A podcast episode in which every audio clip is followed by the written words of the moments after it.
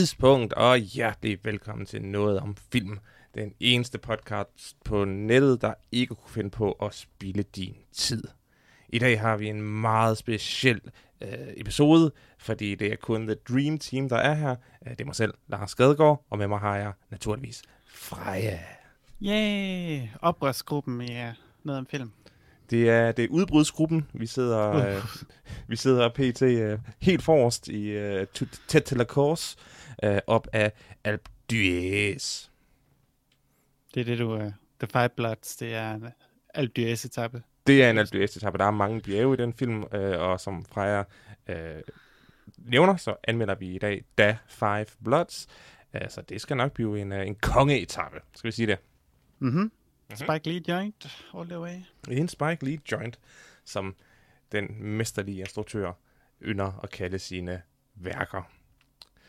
Men før vi kommer dertil, Freja, hvordan har du det? Jeg har det okay. Jeg har lidt problemer med, at min computer ikke rigtig gider at spytte lyd ud af dens uh, lydjackstik længere. Okay, Um, så du kan strengt taget ikke høre, hvad jeg siger til dig. Du, du gætter lige nu har bare. jeg et headset på, Okay, øh, kan du der tydeligt se. kører over en USB, uh, trådløs USB-forbindelse. Aha. Øhm, men ja, når jeg har min højtaler til, til jackstikket, så skal jeg skrue helt op for at kunne høre noget nu. øh, efter jeg skiftede min harddisk ud, og skiftede den tilbage igen, fordi jeg havde glemt øh, noget, jeg skulle have fra den. Aha. Øh, så er den bare sådan, nej, nu gider jeg ikke længere. Øhm, Godt.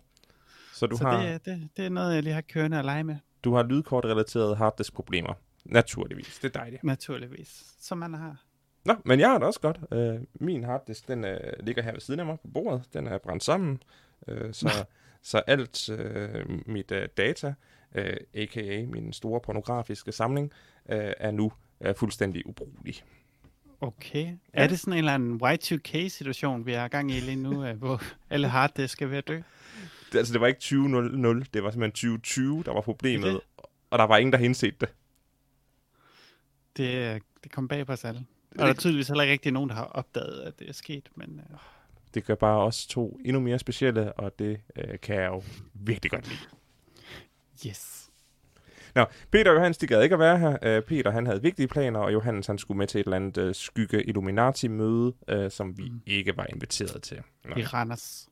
I Randers, hvor alle ved, at Illuminati har deres hovedsæde i Ja, Danmark. det, men det er jo det sted, man ikke ville forvente, de var. Så det er derfor, de, de er der. Ah, det giver De tager en mening. mo- mokai i hånden, Går og, ned og så går de bare går Midt- de rundt. Så det, midt på gaden, ja. Ja. uh, sådan at de blender fuldstændig ind, og ingen ved, at det i virkeligheden er verdens uh, skygge uh, regering, der går der.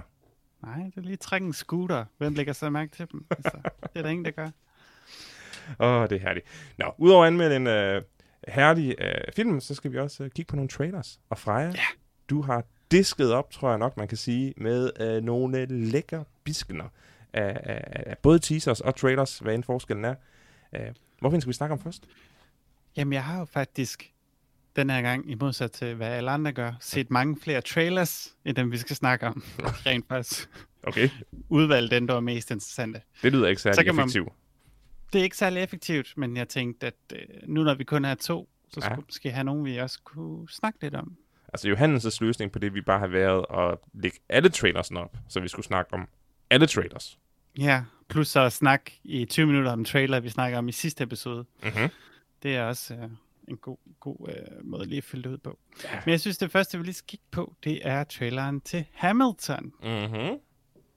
Og en af grunden til, at jeg synes, vi skal snakke om den, det er jo selvfølgelig, fordi det er et teaterstykke, der er blevet filmet. Er det en Og så musical? vil jeg gerne... Øh, ja, øh, en musical er også teater. Nej. Det er musikteater. Okay, musikteater. Ja. Men Lars, det jeg gerne vil vide, det er mm-hmm. musikteater, der er blevet optaget. Ja. Er det en film? Er det en film, det her? Øh, ja, det er det helt sikkert. Den har øh, længden til det, altså den er længere end en TikTok. Øh, Mhm. og jeg har igennem tiden øh, haft stor glæde af forskellige øh, musicals øh, indspillet, som jeg øh, med glæde har set og nyt som filmiske værker. Okay. Vil du sige, det er en bedre måde at gøre det på, end for eksempel at lave en uh, Le Miserable uh, film? Så Øh, øh, ja, bare optage ja. Miserable tekst Yes. musical. Yes, jeg er helt sikkert øh, på øh, en masse gode kameraer, der får en masse lækre vinkler på en sceneopførelse af en musical. er helt klart min uh, favorit musical uh, filmoplevelse. Phantom of the Opera og Les Miserables og Cats uh, er ikke uh, toppen af poppen, som man siger. Okay. kan Hamilton, Ja. den er flere år gamle musical, så blive årets film i 2020? Øh, det kan den, hvis nogen af jer ser den. Men det virker til, at den kommer kun på Disney+. Plus, og Ah, det betyder, at ingen af os kommer til at se den, for jeg tror ikke engang, Johannes længere har sit Disney-abonnement. Og selvom jeg egentlig er meget psyched om øh, for at se Hamilton, øh, det er jo øh, ikke mindre end en øh, sensation, et øh, tilløbsstykke, mm. så er det ikke nok til, at jeg vil subscribe til Disney+. Plus. det er jo øh, den mest populære musical siden uh, Book of Mormon. Øh, den, øh, den, er, den var, den er stor, øh, hele det der mærkelige med, at øh, den der eksklusive klub af folk, der har fået lov at se Hamilton, fordi at alle de rige vil se den hele tiden, og der kun var et par lotteribilletter til, at pøblen kunne få lov at, at, at se med. Mm. Øh, det, det er bare noget, der er så mærkeligt. Jeg, jeg forstår det ikke. Øh, jeg har, har kan ikke rigtig lade være med at tænke på, at den fuldstændig undergraver sin åndssvage øh, elitære præmis ved at udkomme på Disney+. Plus. Øh, for der er vel ikke noget, der er mere sell-out, end, at, end at sælge til Papa Disney, øh, til den store mus. Men hvis, Det... Lin-Manuel Miranda, han har jo brug for en ny hjert. Han kan ikke... Uh... Okay, okay, der kan være, der er gode grunde til det. Men det virker stadigvæk lidt som en uh, antitese til, til konceptet. Jeg vil gerne se Hamilton. Jeg vil faktisk rigtig gerne se Hamilton, men jeg vil, jeg vil ikke have Disney. Okay. Så tror du, det her måske kan nedbryde uh, klassesamfundet, at uh, Hamilton kommer på Disney+. Plus? Nej, jeg tror bare, at uh, det får pøblen over på Disney+, Plus, og vi alle sammen kommer et skridt tættere på afgrunden. Okay. Jamen, det lyder meget godt. Mm-hmm. Det var Hamilton. Uh, trailer nummer 1. I kan se den på Disney+. Plus 3. Jo. juli. I øvrigt var, var, var traileren forfærdelig, fordi ordet selvfed øh, kan ikke beskrive øh, den trailer.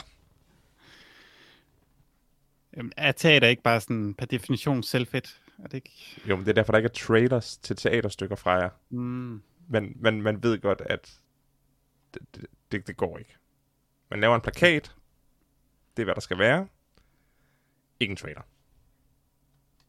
Hvad med at udgive en af numrene som en musikvideo? Og så bare sige, det her, det er traileren. Det er bare et helt nummer. Jo, det, det vil jeg være nede med. Det vil være sådan en lille, en lille smagsprøve. Men igen, der er Hamilton jo alt for vogtende over, hvor, hvor, hvor fed Hamilton er. Så det er jo ikke som om, at man, Mm. man bare kan få lov at bare, bare se et nummer fra Hamilton. Er du, er, du- er du tosset fra jer? Ej, okay. Så det kan være, i virkeligheden, så er Hamilton helt vildt dårlig. Og det er bare alle de rige, der har sagt, at den er helt vildt god, for at de skulle have et eller andet, de kunne holde over pøbelen.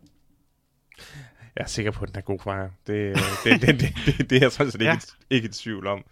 Øh, men på den måde, den er blevet behandlet som det største øh, siden øh, toast, øh, siden, siden ostetoast, det, det er jeg ikke sikker på, at den er.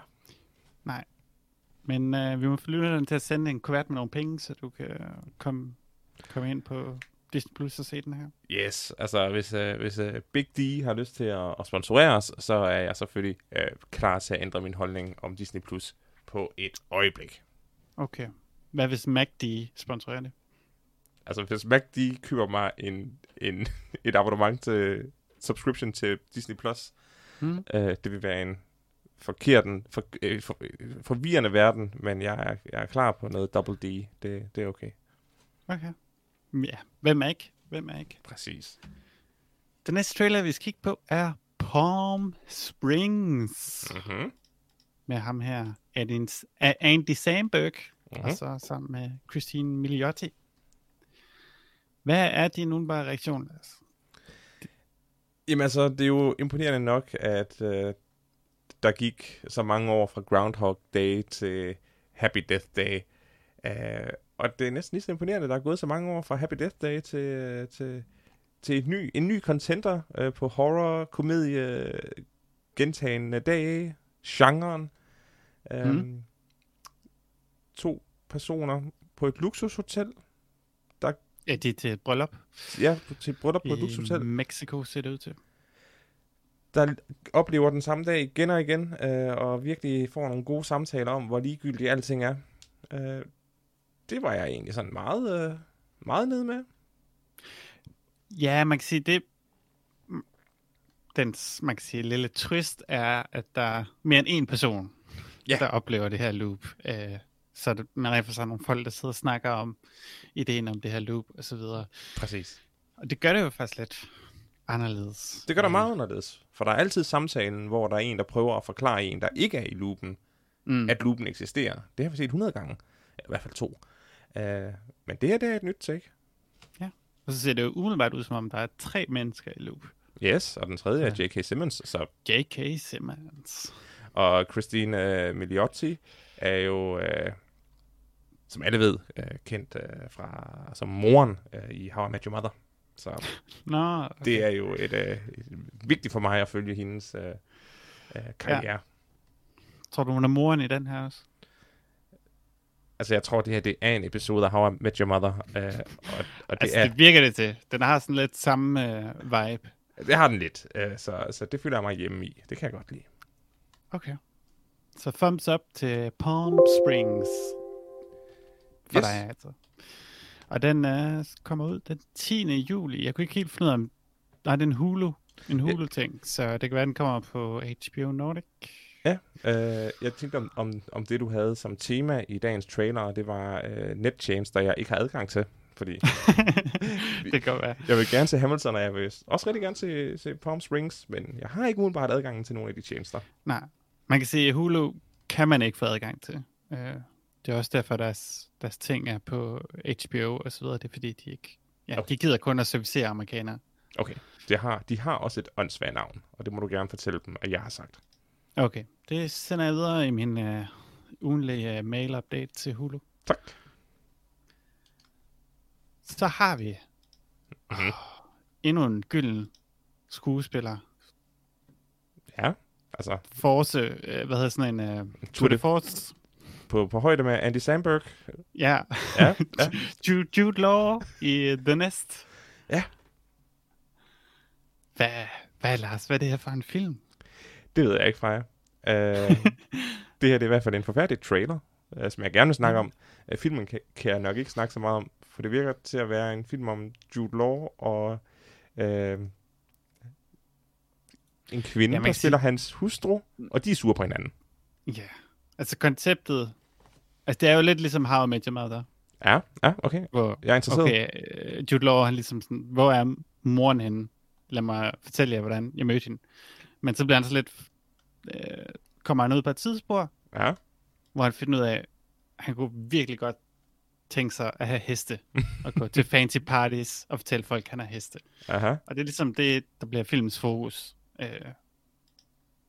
det er ligesom syv sæsoner, har- eller ni, hvor mange er der?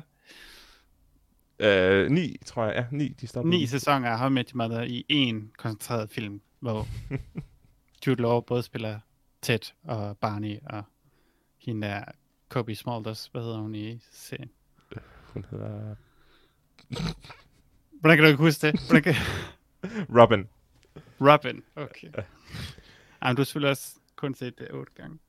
Jeg øh, er ikke sikker på, at jeg fik det samme ud af traileren, som du gjorde fra jer. Men, Okay. men jeg vil sige, at du gjorde mig lidt interesseret. Øh, Det her, det var den der type af trailers, der viser øh, usammenhængende klip fra filmen, der alle sammen virker øh, interessante, og mellem hver klip, øh, der er der en citat fra en eller anden filmanmelder. Ja. Jude Law er Ja. ja. his best. Ja. Og filmanmeldere, de burde holde deres kæft. Mm, det er vi alle sammen enige om. Det er vi enige om. Øh, det er til gengæld forfærdeligt svært få en filmanmelder til at holde sin kæft, så i det mindste bare lade være med at klippe deres sludder ind i en trailer. Mm. Det hyper, altså filmen bliver hypet som om, at det er altså det, den bedste ting siden Hamilton. Og, og kan I ikke bare vise mig en film, hvor Jude Law går i Butterfly og har en hest? Mm. Hvis I bare viser en scene med det, så vil jeg se filmen. Ja, fordi de snakker om, at han er, gerne vil have en hest, og han gerne vil gå til fancy parties, men vi får kun de der enkelte glimt Ja, mm-hmm. han er til en fest. Og jeg ved ikke, om det er lidt af intentionen, Lars, at vi ligesom skal blive luret ind af det der, uh, jeg har brug for at se den her fest, hvor han snakker om heste. Det, det, det er altid så vendet. Lige siden jeg så Jude Law i Enemy at the Gates, Ja. der har jeg gerne vil se ham snakke om heste til en fest. Præcis. Øh, men det er ligesom om, traileren til The Nest, den formår på en eller anden måde at afsløre hele filmen, uden at man har nogen idé om strukturen, eller... For det, altså, der er jo Jude Law er en eller anden psykopatisk røvhul, som gerne vil eje en familie. Ja. Han vil gerne styre det, han vil bare gerne have illusionen, han kan vise ud af til af en eller anden familie. Og det er jo ligesom det, Præcis. Det handler om, og så bliver han sur og råber. Ja. Øhm, og det øh, videregiver den vel sådan set, men det er sådan lidt, okay, hvad... Altså, Altså, på det, den, det på- virker både som om, den her film kunne være 5 minutter, eller Altså på nær, timer. på nær, at det vi ser her, det er den første halve time af filmen, øh, hvorefter den går over i et eller andet øh, psykotisk øh, voldsorgie af mor og, og drab. Øh, Jeg tænker lidt Shining eller sådan noget. ja, ja, præcis. Altså, hvor, hvor han bare starter med at blive lidt sindssyg, og så bliver den oprigtig crazy. Mm. Øh, jamen, så har traileren vist, hvad det er. Det er øh, en mere ekstravagant og højt råbende version af Marriage Story øh, på en situation, som man bare ikke kan relatere til. Fordi jeg har en butterfly, men jeg har ikke en hest. Så, altså, Men kan du relatere til lysten til at have en hest, og kunne fortælle dig om det til fester? jeg kan relatere til lysten, men jeg kan ikke relatere mm. til øh, en eller anden mærkelig mand, der åbenbart har helt mange penge, selvom han ikke har nogen grundlag. Jeg ved, jeg ved ikke, han, hun påstår stadig, at han er fattig, så jeg går ud fra, at han er en eller anden tech-millionær, der bare har tjent penge på at sælge Skype eller et eller andet åndssvagt. Og øh, det kan jeg ikke relatere til. Jeg kan meget bedre relatere til Marriage Story, hvor det er en skuespiller og en, en succesfuld øh, teaterinstruktør, fordi det er jo meget tæt på mit eget liv. Ja, Mm-hmm. okay. Ja, øh, men jeg kan jo egentlig godt forestille mig at se den næste på et eller andet tidspunkt. Men jeg har heller ikke, jeg har ikke set Marriage Story endnu, så måske lyver jeg for mig selv, Altså, at, at jeg er villig til at se en film, hvor folk bare går og råber hinanden. Det er jeg måske i virkeligheden ikke. altså, du har bare the hots for Jude Law, og det forstår jeg godt, men altså, Men ikke Hvor- så meget som Peter jo. ej, vi, har, vi har alle sammen været der, men det her, det virkede altså lidt Men det er jo at, uinspireret. at his best, Lars. At his best. Altså, måske. Okay, lad os snakke om den sidste trailer. Gerne. Øh, måske et højdepunkt. øh, alt efter hvad man ser det. Det Ja. er traileren til Waiting for the Barbarians med ingen ringer end Johnny Depp og Robert Pattinson. Ja. På trods af, at Helten sidste traileren. På nær traileren kun prøvede at fortælle os, hvor god Mark Rylance var. Mm. Uh, som jeg ikke lige sådan på stående fod kan huske, hvad han er med i. Nej, han er, han, er med, han er med i nogle ting. Uden tvivl.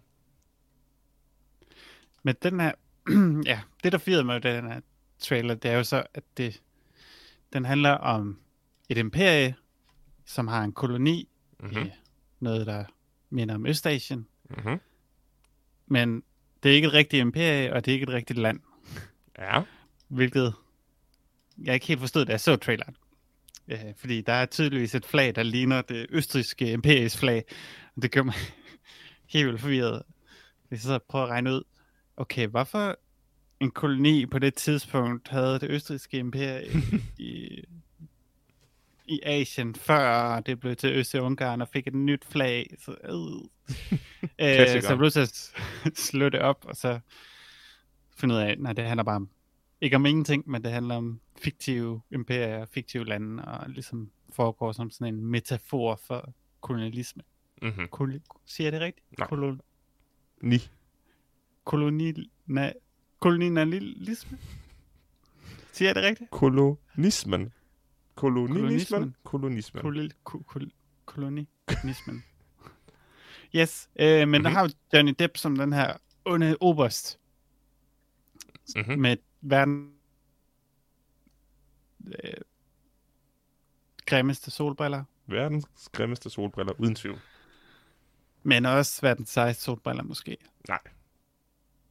Nej. Altså, der, de, de mest filmisk markante solbriller siden Morpheus øh, solbriller uden, øh, øh, hvad hedder sådan noget, stilke på. Hvad? Jeg tror, det hedder stænger. Brillestænger. Stænger. Brillestænger. Ikke brillestilke. Ah, er du sikker? Okay. Kolonialisme. Mm. Øhm, hvad synes du om den her trailer, Lars? Øh, jamen, jeg synes, at øh, det er jo meget sjovt, at vi er i, et, øh, i en tid lige nu, hvor at øh, Johnny Depp ikke er øh, i person, man nævner navnet på. Så han, han må gerne begynde at være med i film igen, men han må ikke være øh, hovednavnet. Så igen... Nævner vi ikke navnet på ham? Nej, nej, nej ikke efter han er blevet Voldemort. Øh, Er han blevet Voldemort Eller han er Grindelwald, var det? Men nej, øh, i de der nye Harry Potter-film? Ja, præcis. Jeg synes, det er sjovt. Uh, han spiller jo en klassisk uh, Johnny Depp-karakter, uh, men han skal nok bare stå i baggrunden med en sjov hat på og solbriller.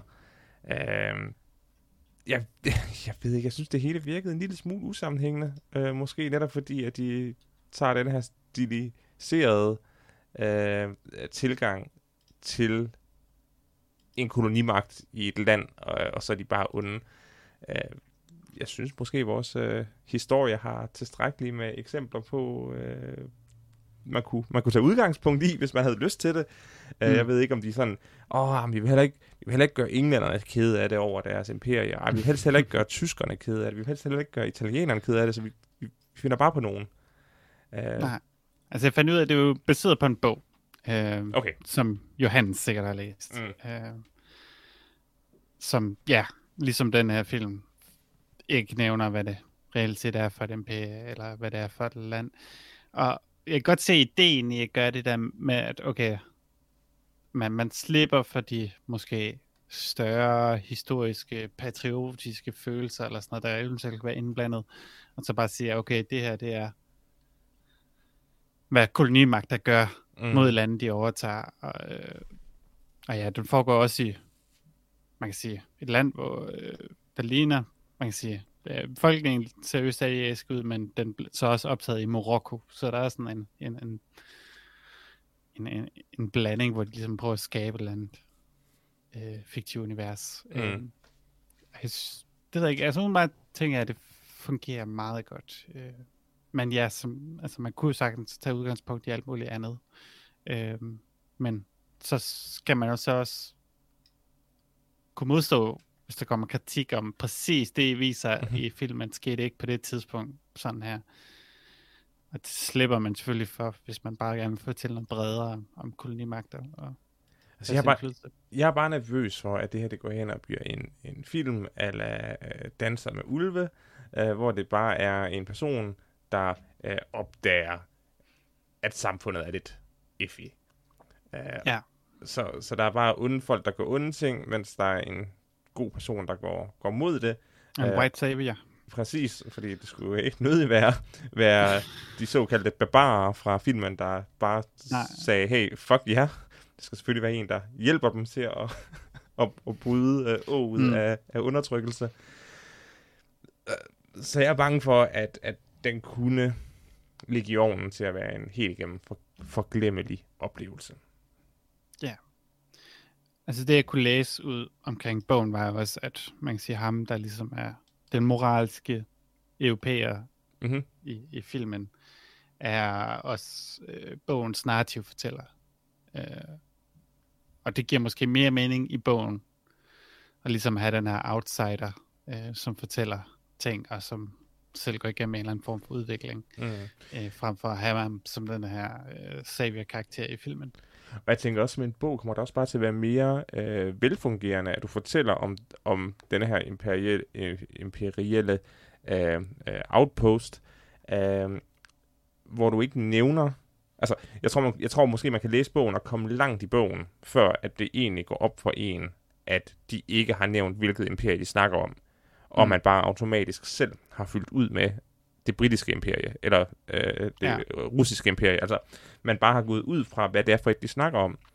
Øh, og med det samme, som også du oplevede, man ser uniformerne, man ser øh, våbne og sådan noget, så kommer man bare virkelig til at tænke på, jamen hvad er det her? Hvem er det? Øh, Ja. man bliver forvirret på grund af det visuelle medie.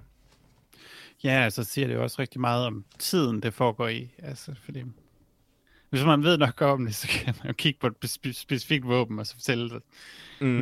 hvilket øh, årti det foregår i. Øh, helt så meget ved jeg ikke, men øh, ja, det har meget sådan en 1870'er, 1860'er, 1870'er øh, øh, look. Slutningen af det 19. århundrede, helt sikkert. Yes. Så det er en uh, snus, tænker du? Øh, ja, det tror jeg faktisk. Øh, jeg vil gerne se, hvad vores øh, allesammens øh, held, Robert Pattinson, øh, har gang i, men altså, han hedder bare officer Mandel. Så Ja, det ser virkelig ud til, at han er meget lidt med. Øh, jeg kunne ikke finde ud af, hvad hans karakter var i forhold fordi det virkede som om, de havde ham den gode karakter, så havde de John Depp som den onde karakter, og så havde de Robert Pattinson, der bare sad så forvirret ude i en stol. Ja. Øh, så jeg kunne måske... Jeg, jeg tænker umiddelbart, at han dør sådan forholdsvis tidligt i filmen. Altså, det, er, det spiller en, er en god øh, Pattinson. Men på den Ja, anden ja. side, så har de så også valgt øh, vores allesammens yndlings øh, Harry Potter-skuespiller, Harry Melling, øh, som er credited som Garrison Soldier 4.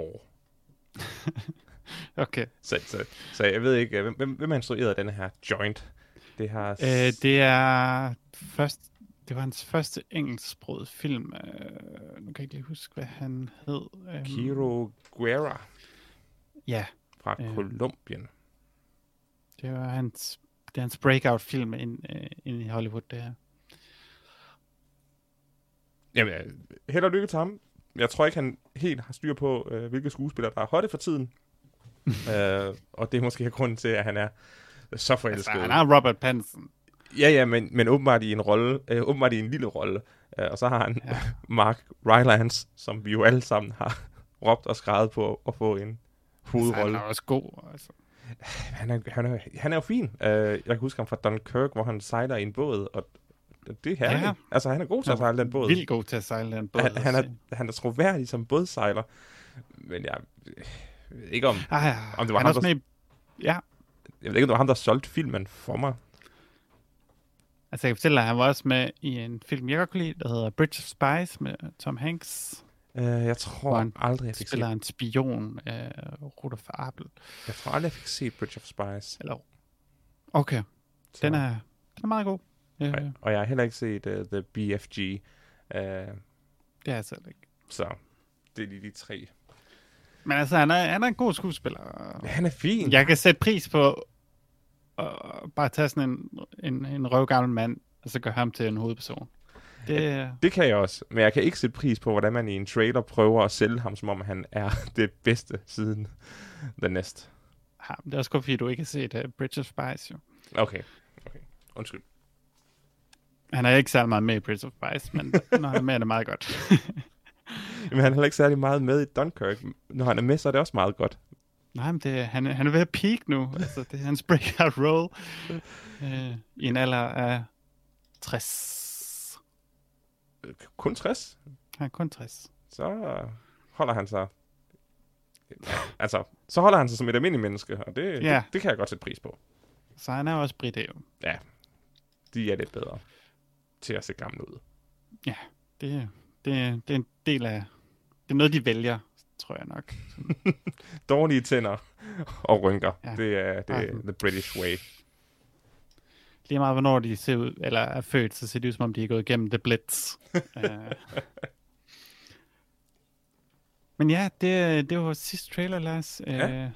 jeg må også sige noget. Jeg er ikke så... Det er også fordi, jeg har lavet være med at se rigtig mange Johnny Depp-film. Ja.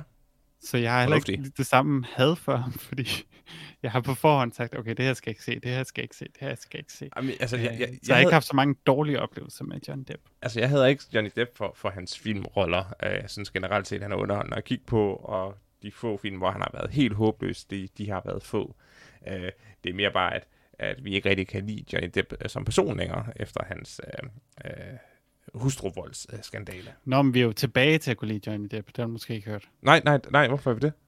Fordi der kom noget frem med, at hvor Amber Heard tydeligvis havde, havde løjet øh, en del, og at der var, det var måske i virkeligheden omvendt, at det var hende, der havde øh, været hans abuser og så videre. Der var nogle, øh, Oh, nej. kom, kom nogle helt vildt øh, øh, underlige ting frem, men nogle ting, der var blevet optaget og så videre, som, som blev lagt frem. Øh. Så Nej. det er faktisk, øh, lige nu er det Amber Heard derude i, i kulden, og ikke øh, Johnny Depp på den front. Freja, jeg kan ikke lide, når verdenen er kompliceret og nuanceret. Nej, det skal, man skal helst være lige til, når vi har dømt nogen. Johnny Depp var så Sådan. nem at, at have. Ja, men... Uh, ja. Åh. Øv, så skal Men, jeg igen til at tage kritisk stilling til min hverdag. Yes. Det, det er jeg ked af, men uh, jeg har desværre læst om det, så jeg kan ikke... Uh, Du kan, you can stay silent no more. nope. Okay. Men, uh, Er det okay, hvis jeg bare hedder dem begge to, så? Ja, ja, det, det er fint. Altså, okay. der er sikkert også masser af grund. Altså, Johnny Depp, han har taget nogle virkelig underlige valg i sin karriere, og så det, det synes jeg godt, man kan dømme, for ham, øh, dømme ham for i sig selv. Øh, Det, det ved jeg ikke. Øh, Altså, han er ikke nogen Mark Rylance. Altså, Mark, han tager valg, gode valg eneste gang. Det er hans Uh, breakout role. Jeg tror, han er den nye Batman, øh, hvis jeg skal give et bud. det vil jeg sætte pris på. Sådan en, uh, sådan en age-swapped Batman og, uh, og Alfred. Ja. Robert, Robert Pattinson som Alfred. ja, præcis. Se, det vil jeg se. Hvorfor er vi ikke Hollywood-producer, Lars? Jeg, jeg, tror bare ikke, vi har, jeg tror bare ikke, vi har forgrebet os på nok mænd Nej, og det er kvinder. rigtigt. Hvis vi, Det, det kan vi nå endnu. hvis vi lader os i scenen, så kan vi nok nå det op. Yes. Jamen, det er godt at have et mål. Mm-hmm. Vi Men nu... er sprintet igennem trailers, Lars. Ja, ved du, det er fordi, vi er så strømlignet. Uh, Mm. Igen, Vi jeg har altid- ikke noget, der ikke bør siges. Nej, jeg, jeg, jeg, synes, jeg synes, at det er meget paradoxalt, at jeg igen og igen uh, sidder og uh, siger, at den perfekte længde på en film, det er halvanden time. Og alligevel, så præsterer vi sjældent at holde den her podcast til halvanden time, Mm. som også efter min mening er den perfekte længde til en podcast. Fordi så kan du præcis nå at høre podcasten, der anmelder filmen, mens du ser filmen. Se, det er mit nye koncept. Okay. Det, det havde jeg aldrig overvejet, men det, det, det er en interessant idé. Da Five Bloods er meget lang, så jeg tænker, at vi bliver nødt til at sætte hastigheden lidt ned nu fra jer, sådan at denne her podcast også kan, kan høres samtidig altså, med, vi, at man ser The vi- Five Bloods. hvis vi hurtigt igennem anmeldelsen, så sætter vi bare nyt i nyt ind som sådan et sindssygt langt segment. Som sådan et hvor vi- toget, segment, hvor vi Ja, ikke rigtig snakker om noget, og øh, snakker om noget, vi har snakket om før, og ah, jeg elsker det. bare God, snakker om alle film, der er kommet ud i år. god idé fra jer. God idé. Tak. Jeg kan ikke huske, hvor Segway er fra trailers til, til anmeldelsen, så tager du ikke den fra? Øh, jo, øh, jeg har en øh, lille opsummering af filmen Nå. til dig, hvis Ah. du kunne tænke dig at høre den. Det vil jeg gerne. Yes. Fire afroamerikanske dyrlæger kæmper mod mennesket og naturens kræfter, når de vender tilbage til Vietnam for at søge resterne af deres faldende squad-leder og deres guldformue, han hjalp dem med at skjule. Dyrlæger. Ja, Dyrlæger. Åh, oh, Google, du er en, øh, et, en, en guldgruppe af oversættelser. Altså, det er jo også det, vets betyder. Altså, det, det er jo dyrlæger. Men det er igen, det er Spike Lee. Han bliver, han bliver lige en lille smule øh, finurlig med at bare sige vets i stedet for uh, veterans. Og så Mm. mm. straks så er Google Translate fuldstændig ubrugelig til formålet. Eller ekstra brugbart. Ekstra brugbart. Det var en god oplevelse. Tak for jer. Hvem er, hvem er med i den her herlige film? Åh, oh, der er mange gode med. Mm. Uh, start med at sige, at den er instrueret af Spike Lee, som vi nævnte før. Mhm. Og så ja, vi har fire forskellige uh, writing credits. Uh, blandt andet Spike Lee og Kevin Wilmot, Paul DiMeo og Danny Bilson. Og starring har vi Delroy Lindo, Mm-hmm. og sådan en herlig fyr. Jonathan Majors, Clark Peters, Norm Lewis og Isaiah Whitlock Jr. Mhm. Og så har vi, øh, ja, dem måske, Melanie Thierry, uh, altså også en, måske ikke, man kan sige en af hovedrollerne, men hun spiller også en, en forholdsvis stor karakter. Og så selvfølgelig skal uh, Jean Reno altid nævnes, Nå, når Jean Reno er med i en film. Ja, han stod faktisk ret langt nede. Uh, og selvfølgelig også Paul Walter Hauser som Simon. Ja. Øh, Så skal du også, så skal du også uh, nævne Jesper Pokkerkonne. Nej, fordi Jo. hans karakter er ikke vigtig. Men Simon... Sepho har den vigtigste karakter i den her film. Uh, no. kan vi uh, komme og, til at og hvis vi så også øh, nævner Johnny uh, Nguyen, så tror jeg, at uh, vi har været Det helt er vejen ikke rundt. sådan, det øh, udtales. Det ved jeg godt. Hvordan udtales det? Hvordan udtales det fra jer? Er, du- er, er, har du bare forladt podcasten fra jer over min horrible udtale af... Så, hej.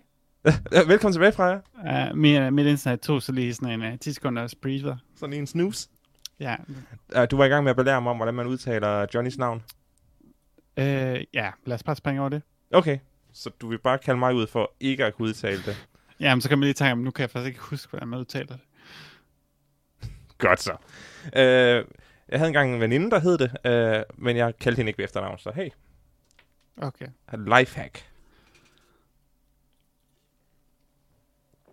When? Jeg fandt ud af det. Øh, Johnny When. Skal det udtales when? Ja. N-G-U-Y-E-N udtales Ja. when? Ja. Ah, nice. Det er meget nemmere. Og nu skal jeg ikke sige noget racistisk om, at det vil være nærmere, hvis de vil det på den måde også. Ja, men nej. øh, men det, er, det er jeg glad for, at øh, det er nemmere at udtale. Det vil jeg prøve at huske til en anden gang. Yes, det vil jeg også prøve igen at huske, øh, efter jeg har lært det de sidste 10 gange. Øh, hvordan udtaler man så øh, øh, øh, NGO, øh, skuespillerinde, der spiller Hanoi Hanna? Øh, Kom nu to fra, sekunder, Lars. To sekunder. du kan ikke bare bede Google om at Nej, det kan Google ikke lige finde ud af endnu. Øh, det er bare Van Veronica NGL. Ah. Øh, taget betragtning af, at øh, så vidt jeg... Øh, øh, så, så er det mig, der optager i dag, ikke? Øh, så jeg, kan Mm. jeg kan egentlig bare øh, bede øh, Google om at udtale det øh, på min computer, fordi så burde... Okay. Ja. Google, udtale det! Nå, det Google ikke finde ud af. Sorry. Nå, Freja, vil du ikke fortælle os, hvad du synes om filmen? The Five Bloods. Yes. Uh, The Five Bloods er jo, Uh, man siger lige til, til, til højrebenet i forhold til Spike Lees temaer. Uh, øh, han er jo glad for at lave film om race, om det at være sort, og nogle af de problemer, udfordringer og man kan sige, misbrug, de er historisk og stadigvæk går igennem. Øh, jeg var rigtig glad for Black Clansman. Øh, Ja. synes, det var en helt fantastisk film. Jeg tror, jeg kunne lide den lidt bedre, end du kunne. Øh, Ja, ja, det er nok meget fair. Men den var ikke... Altså, der er en ting, man ikke klandrer Spike Lee for, og det er for at være for subtil. Øhm, det, det er ikke noget, han er, han er glad for. Han vil gerne, hvis han skal fortælle noget, så siger han det. Ja, så meget man kan, uden at sige det, bortset fra nogle gange, så siger han det alligevel. Ja. Øh, bare lige, hvis du skal være i tvivl. Øhm, The Five Bloods er en af de mest rode film, jeg nogensinde har set. Øh, umiddelbart virker det som om, at de bare har sat alt sammen. De har klippet, øh, og ikke har klippet noget ud.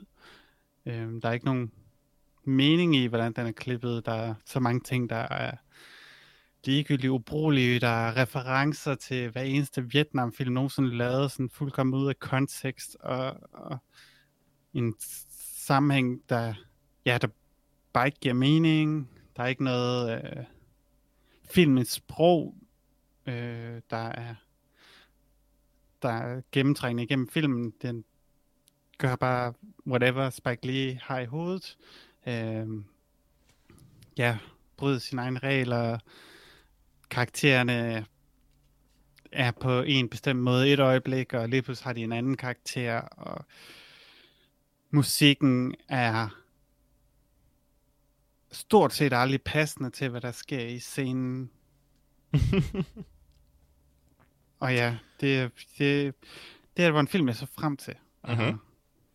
Jeg var stærkt skuffet, og havde utrolig svært ved at komme igennem The Five Bloods. Øh, hvis vi ikke skulle anmelde den, så havde jeg nok ikke set den færdig. Nej. Men alligevel, så er jeg lidt glad for, at jeg gjorde, fordi et eller andet sted, så er det Five Bloods stadig en oplevelse, øh, som jeg et eller andet sted er glad for, at jeg har fået, øh, af, af mange forskellige grunde, ikke kun positive grunde. Øh, men ja, Lars, din tur til at sige noget. Uh, jamen, jeg har svært ved at være uenig i, uh, i, i, i de ting, du, uh, du nævner. Da Five Bloods er en utrolig lige til film, der præsterer at være exceptionelt rodet. Uh, den fortæller jo historien om fire uh, Vietnam-veteraner, der uh, sorte Vietnam-veteraner, der vender tilbage til, til Vietnam for at finde livet af deres uh, femte soldaterkammerat øh, og øh, en masse guld, som de har gemt. Mm. Øh, Dyrlæger. det er dyrt, der. Det. Den starter øh, meget ufokuseret øh, og kommer så lige så stille øh, i gang. Øh, den, men du har fuldstændig ret. Den, jeg ved ikke om Spike Lee, om det her det er, om det er frigiver, eller om det er et projekt, han har gået til og fra, øh, sådan at, at når han den ene dag øh, har sat og skrevet på, på manuskriptet, øh, så har han haft en eller anden politisk øh, budskab om Trump, han gerne ville, ville af med, øh, og så dagen efter, når han har sat og skrevet på det, øh, så har det været øh, et spørgsmål om, om, om, om, om race øh, øh integration. Altså, det er så mærkeligt. Trump er med i filmen. Selvfølgelig er Trump med i filmen, fordi Spike Lee kan jo ikke lade være med, når han, når han laver et wink-wink, så i Spike Lees filmsprog, så er det at klippe en scene ind med, ja. med den reference, han laver. Og det er... altså, det, det er noget forbandet råd. Jeg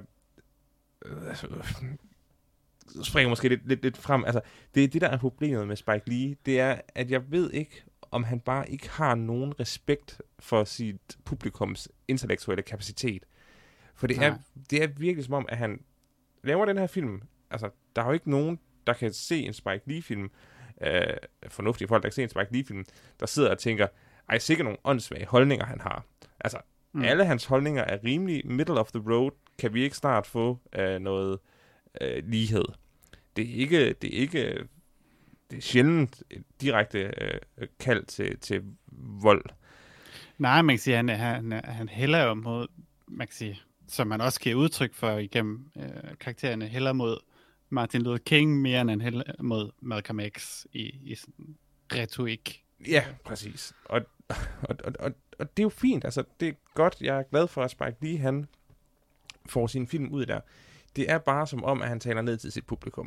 Uh, ja. og, og, og det er ærgerligt, fordi jeg kan sagtens sidde, jeg kan sagtens se, hvordan man som, som øh, hvis, man er, hvis man er meget investeret i spørgsmålene, øh, og med det, der mener jeg underforstået sort amerikaner, øh, kan, kan føle det her som et rigtig opløftende og repræsentativt værk. Og, og, og fint, hvis, hvis det er det, det skal være, så skal jeg ikke være den, der, der, der prøver at, at tale det ned. Men jeg kunne bare godt tænke mig, at det også bare på en bred og reel måde øh, synliggjorde øh, filmens øh, centrale spørgsmål, øh, som den igen og igen vender tilbage til, øh, hvordan øh, så lige en, en del af den amerikanske befolkning har betalt så meget øh, for Amerikas velstand, øh, og øh, stadigvæk bliver anset som en anden, altså, som andenrangsborger. Mm. Det, altså, det kan man ikke være uenig i, at det er problematisk. Men kan man godt, men ja, ikke ja, nogen det, øh, det kan man med sans og samling. Nej, øh, men, men hans film, den svinger øh, alt for meget. Øh, du har ret, musikken er, er lidt all over the place, fordi prøver det at være, altså prøver det at være en homage til, til, til de her klassiske øh, Vietnam-film.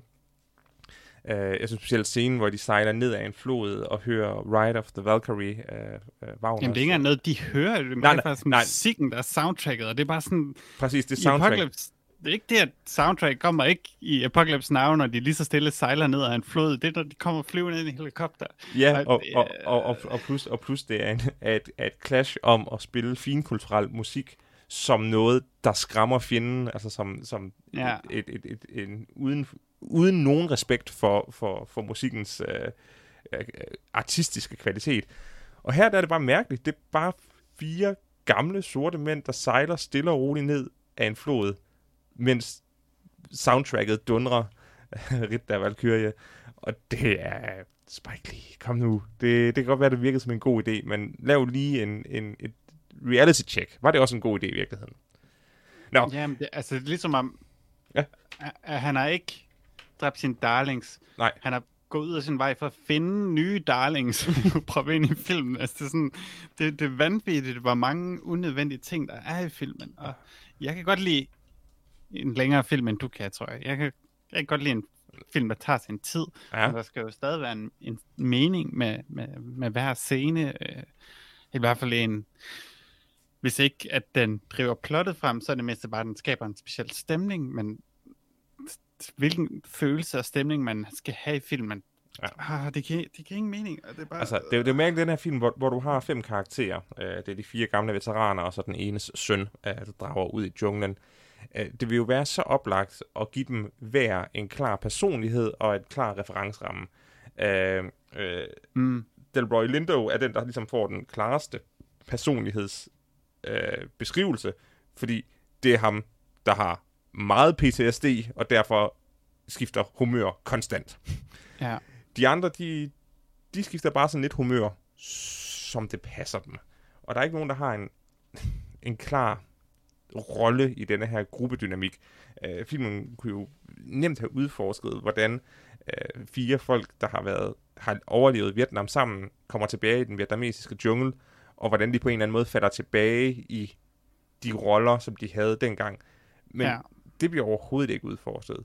Og så har Spike lige åbenbart fundet et nyt øh, yndlings uh, plot device, der hedder, hvis der er noget, et problem, der skal løses i filmen, så er der en landmine. ja. Ah, altså, jeg ved ikke, om det er for spoil for mig. Nej, det, det synes jeg ikke, men der, der er en af dem, der dør. Ja. En landmine. Og det... Altså, på trods af, at den her film tager så mange drejninger, øh, at den er så random, at den burde være ude for Silly, så ligger den bare op til den her idé om ham, at han er, der er ved at ske et eller andet med ham. Ja. Så ekstremt meget om, så okay, okay, sker det, sker det. Ja. Og så da det sker, så er det bare så ekstremt, at det er komisk. Ja, dumt. Og han bare får sprunget halvdelen af sin underkrop væk, og, og, og sin arme, og så er de sådan en, så er en, der går hen til ham, sådan, ah, såret, og så sekundet efter, så er der en anden, ham er søn, træder på en landmine, og så glemmer de ham, der, deres bedste ven, som lige er blevet sprunget i luften og død. Og ja. i, filmen handler jo delvis om, at de er at have fat i det her guld, men også, at de vil hente ham her, Norm, mm. som døde, som ligesom var deres leder i, i Vietnamkrigen. Hele pointen, det er at få hans lig, hans rester med hjem. Men som det samme, så begraver de ham her, deres ven, de havde med derhen, øh, som var en af dem. Han begraver de bare efterlader ham. Ja. Og så er sådan, hvad, hvem, hvad point, var han bare ikke vigtig? Kunne de ikke lide ham? Var, han var han ikke en re- rigtig medlem af, af Five Bloods? Uh... Men, men da, da de finder deres ven Norm, tog de ham med? Men det, det, det forstår jeg heller ikke. Jeg det forstår ikke, jeg... når han kom hjem. Altså, ja. hvem er rundt på hans knogler? Den, ja, præcis. Altså, det, det forklarer filmen ikke. Nej. Endnu et problem, der kunne være løst med en landmine, åbenbart. Ja, hvis de bare havde en række landminer, så kunne hoppe hans skelet ekspeditionerne tilbage til, til kysten. Og når vi snakker om, om landmine og, og ham, der får sprunget øh, øh, det meste af kroppen af, filmen er exceptionelt grim. Altså, mm. de praktiske effekter, de er øh, tilnærmelsesvis amatøragtige øh, og alle de digitale blodeffekter og eksplosioner og skud. Det er deprimerende. Hvis man prøver at gå for en film med noget gritty øh, samfundskritik, så køb et par scripts og skyd noget rigtigt, eller noget øh, ja. rigtigt teaterblod øh, af. Det, det gør simpelthen bare produktet så billigt at se på. Altså det, jeg sådan overordnet set vil sammenligne den her film med, det er sådan en Adam Sandler location movie. ja. Hvor han tager, tager alle de der venner med til Hawaii og indspiller en film. Ja. jeg får den her følelse af The Five Bloods, at det her, det er Spike Lee, som har taget øh, øh, fem-seks af hans venner og taget dem med til, til Sydøstasien, og ja. så har de hygget sig, og så en gang imellem, så har de lige skudt nogle scener. Øh, fordi der er det her, hvor de går ned gennem, øh, jeg, kan huske, er det, jeg tror det er øh, Ho Chi Minh City, øh, de, hvor de går på gaden, hvor tydeligvis det ikke eller noget, de har bare optaget det, hvor de gik igennem, fordi alle folk, de går og kigger ind i kameraet. alle de der vietnameser, der går forbi, sådan, der er nogen, der optager noget. Ja. Og det virker lidt som om, at hele filmen sådan lidt er skudt meget vejen sådan. Øhm, og det, ja, jeg, Oh, ja, jamen, det, det er det. Øh, og, og der er så mange, altså den der scene ombord på båden, øh, hvor de er på den flydende markedsplads. mm, Den scene har, jo, den har et formål, men det er et dumt formål. Øh, og, og at det er altså ret tydeligt, at Spike Lee bare har set et billede af sådan de der flydende markedspladser og tænkt, det er kraftet med Vietnam, det skal være i min film. ja. Og så får han et, et øh, angstanfald. Ja, så får han et angstanfald, og det vil vi gerne vise, at den her person, der hele tiden har været meget psykisk ustabil, er psykisk ustabil. Okay. Jamen, Ja. Og det er en meget lang scene, hvor han lige så stille får et angstanfald, som filmisk set ikke bliver vist, andet end vi bare filmer ham, langsomt bliver mere og mere irriteret. Der er Ja. ikke sådan, lad os prøve at vise det øh, gennem et, et filmisk sprog. Nej, Nej. vi skyder ham bare, indtil han bliver sur. Og Jamen, præcis, præcis. Ja. Altså, han, han, han, han er bare, han, han starter med at være øh, et høflig, øh, altså høflig turist, så bliver han til et altså, røvhul. nej tak, jeg vil ikke have den her kylling. Ja, og så bliver han til et røvhul turist, så bliver han til et røvhul, og så bliver han til et, et øh, højt råbende røvhul, og så er der en, der siger, du er også ved at få et angstanfald. Så, ah, okay. Tak, Mm. tak for den her dybe indblik i den menneskelige psyke. Der er en, der tager hans puls og konkluderer, at det er et angstanfald, og han ikke bare Ja. er et røvhul. Og betragtning af, at det er ham, der er øh, øh, filmens Trump-vælger, så, Ja, det er også altså, så, vanvittigt. så kunne man jo godt have, have misforstået det. Altså, men også den scene foregår så længe, og han bliver tilbudt den kylling så mange gange, at jeg, en person, som udenbart ikke har PTSD, måske også kunne blive rimelig sur over hvor mange gange jeg skulle sige nej til den der kylling. Og- Så det er sådan lidt, er det et angstanfald, eller er han bare blevet rimelig irriteret over at blive tilbudt 4-5 forskellige kyllinger øh, 60 gange? Det, Men jeg sad bare og tænkte, altså jeg tænkte også sådan, okay, det her jeg også gå mig voldsomt på. Jeg har sagt ja. pænt nej, nej, nej tak til en kylling, øh, og han bliver stadig ved med at prøve at stikke en kyllingrøv op i ansigtet på mig. Jeg havde nok gået min vej. Ja, okay, de var på en båd, men bare gå over i den anden side af båden og sige, Ja. fuck dig og dine kyllinger. Og igen, Ja, fordi, øh, der var jo noget mere oplagt. Der var også en, en, en meget, meget kort scene, som også var fuldkommen ligegyldig, hvor de kommer ud af den her bar, ja, og så er det der barn, de har givet nogle penge til, som kaster noget fyrværkeri efter dem. Ja. Hvor de så hopper ned mod jorden, hvor man tænker, okay, det kunne jo også muligvis have været skrevet ind, at det var der, han sådan ligesom mistede besindelsen. Hvor det er sådan meget hurtigt, han går fra, fra 0 til 100 og, se, se det, og skaber en eller anden situation. den scene, den uh, havde jeg. Fordi det, som man etablerer ved en... Altså det, man etablerer meget klodset ved en kort scene, det er, okay, de her fire folk, der mødes i Vietnam, øh, som virker som, som velafbalancerede øh, voksne mænd, øh, der godt nok er en af dem er Trump-vælger, ja okay, øh, de er alle sammen stadigvæk influeret af krigen i en sådan grad, at de har øh, PTSD. Så lyden af fyrkeri får dem til at kaste sig i granatskjul. Men fint nok, vis det på en vis det på en pæn måde, plus at der, det kun er en af de fire karakterers PTSD, der spiller en rolle i resten af filmen. Ja. Det havde været oplagt, at han havde givet den der unge knægt øh, en, en lussing for at skræmme ham, fordi at Mm. de tre andre bare stod og sagde, haha, fyrkeri, og han oprigtigt følte skam og angst over oplevelsen, og han så gav den der enarmede ben en syngende lussing. Så, Ja, jeg ved heller ikke, hvad Spike Lee vil sige med det. Altså, de, han kommer, han har et ben. Altså udenbart vil jeg tænke, okay, han er mistet til en mine. Det er sådan, det skal kædes sammen. Men så giver de ham nogle penge, og så når de kommer ud af barn, så kaster han fyrværkeri efter dem, og. Ja. og råber, haha, GI, GI. Og det var sådan, hvad... hvad du prøver at fortælle mig, uh, Spike? jeg, jeg, jeg, jeg kunne ikke finde ud af, hvad... Jeg skulle ud af det sådan... Man skal ikke give penge Nej. til folk, der har mistet ben. Hvad, jeg går ikke ud fra, at han vil mene det, så hvad er det, han prøver at fortælle? Jeg kunne, jeg kunne simpelthen ikke regne det ud. Det er, det er en rodet øh, film, øh, og, og igen, for mit vedkommende, så er det en halvbagt scene. Det er en scene, hvor man ønsker at vise, selvom at de her mænd, PT, nyder øh, deres, øh, deres ferie i Vietnam, som det er på det her tidspunkt, mm. øh, så er der, og de, de er ude at, altså ude at se krigsmuseet og alle de her ting, men at man gerne vil vise, at det er altså ikke fordi, de bare synes, det var sjovt at være i Vietnam, og nu er det sjovt at være tilbage. Men det er bare gjort så klodset.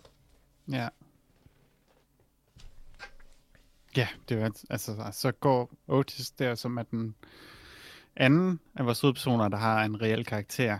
Øh, mere end de andre i hvert fald. Ja. Øh, som så skal han og besøge sin gamle kæreste, hvor han så finder ud af, at han har et barn øh, med hende, øh, som så er voksen på det her tidspunkt. Øh, og det er også sådan et... Det leder ikke rigtig nogen steder hen, udover at filmen slutter med den mest underlige scene, hvor de mødes igen, og det... Ja, fordi det er jo så den aften, hvor at, øh, at, at Spike Lee sat og skrevet på det, hvor han gerne vil snakke om, øh, om øh, Bui Doi og, og de børn, der mm. blev mhm. efterladt i, i, i Vietnam. Men det var sådan... den her film, den er for rodet i forvejen. Ja, det ja. er også et problemstilling. Og det er sådan set det, der er filmens øh, allerstørste øh, problem, som jeg ser det. Det er, det er en film, der prøver at fortælle om, hvor uretfærdig øh, raceuligheden er i USA. Fint. Den er vi med på Spike Lee. Det er en klassiker. Så er det en film, der prøver at fortælle, hvor uretfærdig en krig det var overhovedet for Amerika at være i Vietnam. Ja, det er ja. også enig. Og så kommer alle de her, og øh, ja, de børn, der blev født og havde et hårdt liv i Vietnam øh, efter krigens øh, øh, afslutning. Det er alt sammen problemstillinger, der bør behandles respektfuldt og i og dybtegående. Og her er det bare blandet sammen i en stor pærvælding. Ja, plus at det han fortæller jo heller ikke sådan øh, konsistent i forhold til, hvad meningen er, fordi det er jo det, ja, han prøvede tydeligvis at sige, at krigen var dum og dårlig, og mm-hmm. den var der bare til at udnytte folk. Men samtidig har han også den her heldekarakter, Norm, øh, som, som var en af de fem Five som var lederen, som mm-hmm. de, de skal tilbage og finde. Og fordi de ser så meget op til ham, og det skal protegeres, så bliver alle sådan krigsscener, de her flashback krigsscener, sådan vist heroisk øh, på en eller anden måde, hvor de bliver opløftet, og, og, og vietnamesen lidt bliver, bliver set som fjenden. Øh, man siger, hvilket de jo også var for dem på det tidspunkt. Men der var den her platte, underlige, heroisk musik, der bliver lagt ind over, hvor det sådan... Mm. Der er ikke noget øh, øh, suspense i det overhovedet, og... Det, det, er, det er jo så, fordi Spike... virkelig underlig følelse. Ja. Og det er jo så, fordi Spike lige øh, går ind og, og laver krigsscenerne som øh, hvad kan man sige, direct-to-TV movies, mm. øh, med, med øh, oversaturerede farver og, og, og 4-3-format og sådan, altså laver et stilistisk valg for ikke at gøre fjenderne øh, tredimensionelle, når, når, da de var tilbage i krigen. Men det er bare virkelig mærkeligt, at, at scenerne tilbage i tiden er øh, de, de, de sorte mænd, der snakker om øh, raceulighed, og at man skal gøre noget, og det er en uretfærdig krig, som hovedsageligt sorte folk dør for at, at, at føre til ingen verdens nytte, men ikke har nogen reel indsigt i, at jamen, vietnameserne vil jo bare gerne have i går. Øh, der er en, øh, en ret fin scene, hvor de ligger i, i ambush og dræber nogle Vietcong, hvor der så er undertekster på, hvad, hvad vietnameserne snakker om, mm. mens de går ind i ambushet. Øh, og det drejer sig om, hvad deres kærester sagde til dem, da de, da de tog i krig, og hvor meget øh, de Og det synes jeg nemlig også var et godt øjeblik. Jamen, det, det, det, var sådan, det, var, det var jo smukt, men tager filmen nogensinde den vinkel seriøs igen? Nej. Nej. Fordi senere hen der er vietnameserne øh, portrætteret som skurkene, øh, der er ren og skær grådighed, er villige til at dræbe øh, for, for, for penge. Ja.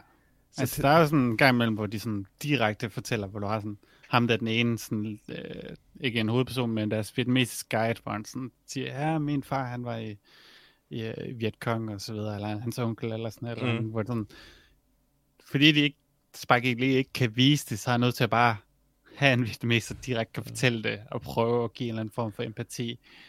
Uh, fordi selv de, man kan sige, de tidligere Vietcong, de som møder i baren, er sådan positeret som sådan lidt underlige, uh, sådan lidt en, to særtyper, der sidder uh, uh, som sådan to nisser uh, ja. ved et bord. Uh, hvor, ja, uh, Paul, der vores uh, marker, marker, sorte markerfyr, han uh, siger nogle racist ting og sådan noget, som heller ikke rigtig, man kan sige, bliver forløst, eller, eller leder til noget, udover det viser, at han ligesom er, er uh, han har noget had i sig. Ja, ja. Um, men det hænger ikke helt sammen, hvad de har lært af norm og så videre, og jeg har bare, jeg ja, det der med den her karakter Paul, han er, man siger, han er øh, racistisk, han er ustabil og så videre. Men han har samme følelse i forhold til Norm, øh, udover han så har en lidt anden øh, vinkel på grund af noget, der skete. Øh, det var ham, der var sammen med Norm, da han døde. Mm. Øh, men han er, det hænger bare ikke sammen med, hvordan han så Norm, og hvad Norm har sagt, at han en karakter også kan være den her MAGA øh, Trump-fyr. Øh, jeg har svært ved at se den sammenhæng. Øhm, fordi hele ideen med den her karakter, det var jo meget, var, var, var pro-sort, var pro-oprør og så videre. Øhm, ja.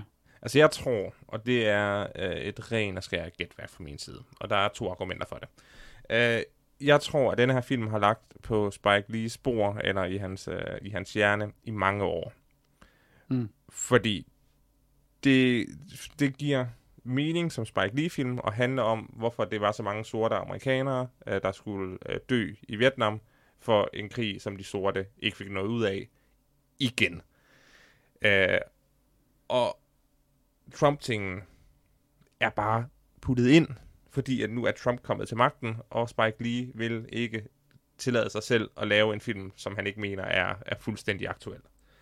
Ja. Øh, og, og, og, og grunden til, at det er min konklusion, det er fordi, filmen, der foregår dags dato, giver ikke tidslig sammenhæng.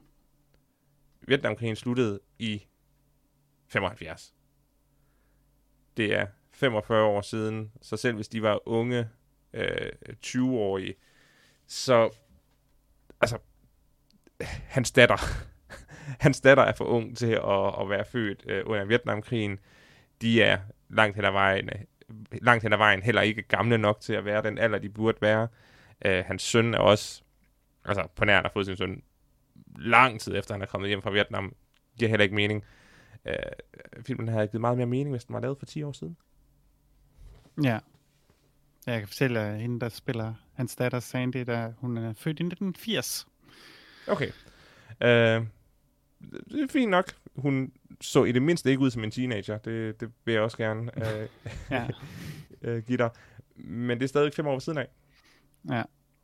Ja, plus de vist nævner, at de var der, de var, de var der indtil 73 eller sådan noget. Øh, I hvert fald ham Delroy. Okay, ja, det, det fik jeg faktisk ikke fat i, om de præcis nævnte, hvornår deres... Øh, jeg tror, den ene nævnte, han havde været i Vietnam tre gange, ikke? Øh, tre ja, det, det er Paul, der snakker, ja. han var der for 71 til 73 eller sådan noget. Okay. Så vidt jeg husker. Um, men ja. Men ja, det hænger ikke sammen uh, med, med tiden, og hvis man tog det der Trump uh, subplot ud, der ikke rigtig fører til noget, uanset, uh, så vil filmen have været lidt mere sammenhængende. Nej, det er plus der er flere, der får den der MAGA-hat på, og sådan noget, så tager Jean Renaud den på, sådan, hvad er betydningen i det? Ja, og, og, Overtager han hans hat? Øh, og ingen, ingen kommenterer på, at der kun er en måde, hvordan Sean nu kan have den hat på, øh, ja. have fået fat i den på. Øh, men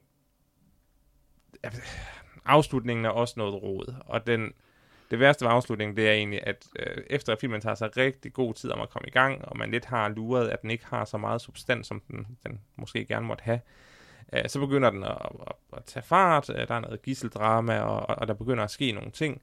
Øh, mm. Og så efter øh, det første sammenstød med, med, med øh, de militante øh, vietnamesere, så går filmen bare i stå. 100 procent. Ja. Og så går der så lang tid, før der kommer en lille prut af en actionscene, og så er filmen slut. Uh, det havde bare været rart, hvis den havde fået afsluttet sig selv. Ja. Øh, nogle af de ting, jeg godt kunne lide, ja. hvis ja. jeg lige sige det. Ja, gør det. Øh, som vi nævnte, sådan, du nævnte, hvordan filmen var skudt, hvilket jeg overrasker over, at, at du lagde mærke til. Ja, ja, ja. ja 4 er, skudt i et andet format. Øh, jeg kan godt lide ideen om, at det, den havde den der anden stil, og jeg synes, det var ret interessant og faktisk ret effektivt, at han brugte de samme gamle skuespillere til det, der foregik øh, under Vietnamkrigen. Øh, at han ikke fandt nogle yngre unge skuespillere til at spille dem, som vi ligesom skulle prøve at finde ud af, hvem der var hvem. Mm-hmm. Så synes jeg, det var ret effektivt bare at bruge de gamle skuespillere, og så bare øh, lade dem være der i, i, det var et, i 70'erne. Det var et interessant valg, øh, som jeg synes egentlig, som jeg egentlig også støtter op om, men man kan ikke komme udenom, at det gjorde actionscenerne en lille smule komiske, når de her gamle mænd... de var ikke så hurtige. De, de var meget langsomme, på trods af, at de var i ildkamp. Ja, vi så dem ikke væse så meget. Øh, men så en af problemerne var så, som jeg har nævnt, at der er sådan noget underlig heroisk musik henover, og hvis man vælger at skyde i det her 4-3-format, og gør så meget ud af at få det til at ligne det her gamle dokumentarfilm fra 70'erne, hvorfor så ikke skyde det ligesom en dokumentarfilm? Hvorfor ikke? Altså, hvis man har lidt svært og ikke rigtig har budgettet til at skabe en helt vildt intens action scene, mm hvorfor ikke bare skyde det som sådan nogle uh, documentary reels, man har for kampen, hvor man ikke helt ser, hvad der foregår, og så videre. Mm. Det, det kunne have fungeret fint på den måde, og det der andet, jeg synes, der ødelægger det her, at i nutiden har de så også et kamera, som de render rundt og filmer med, som så også ligner det der gamle uh, kamera, der blev skudt med til 70'er-scenerne. Ja, de har sådan en 8 mm kamera, så ja, de scener, så, de optager, ligner mere scener, der var passende for deres krigsminder. Ja, hvilket er helt vildt tosset.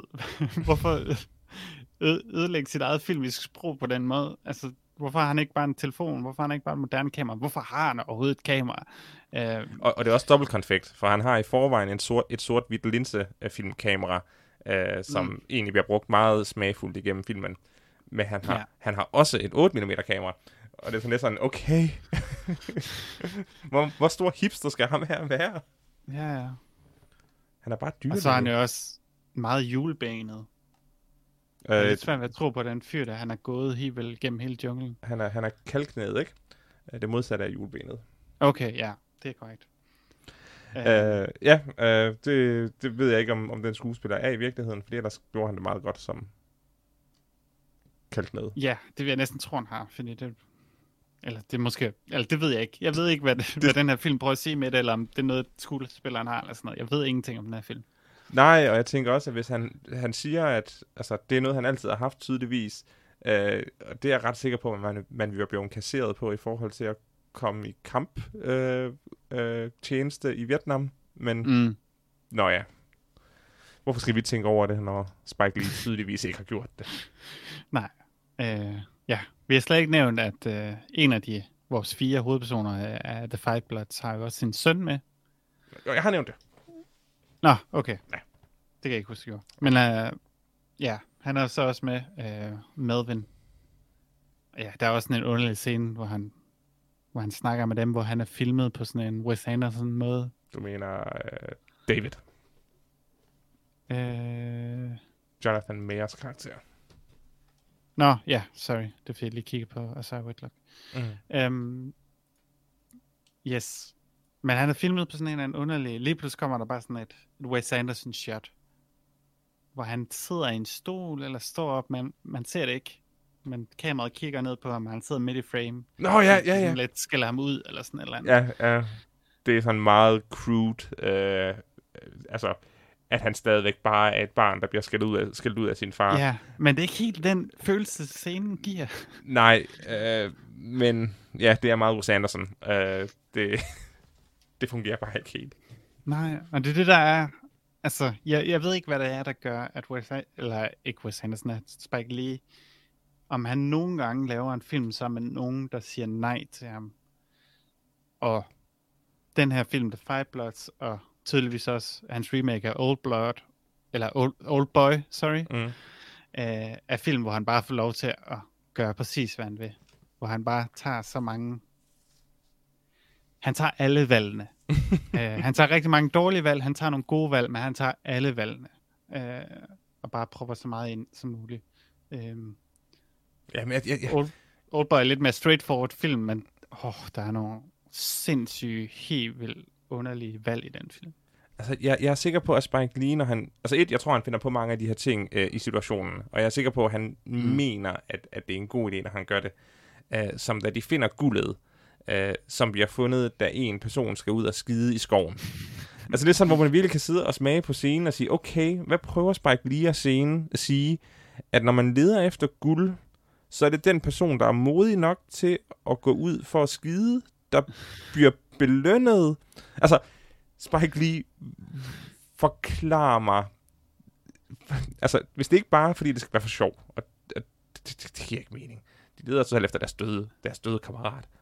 Hvorfor bliver guldet så fundet ved, at der er en, der skal skide i skoven? Det, det giver ikke mening. Ja.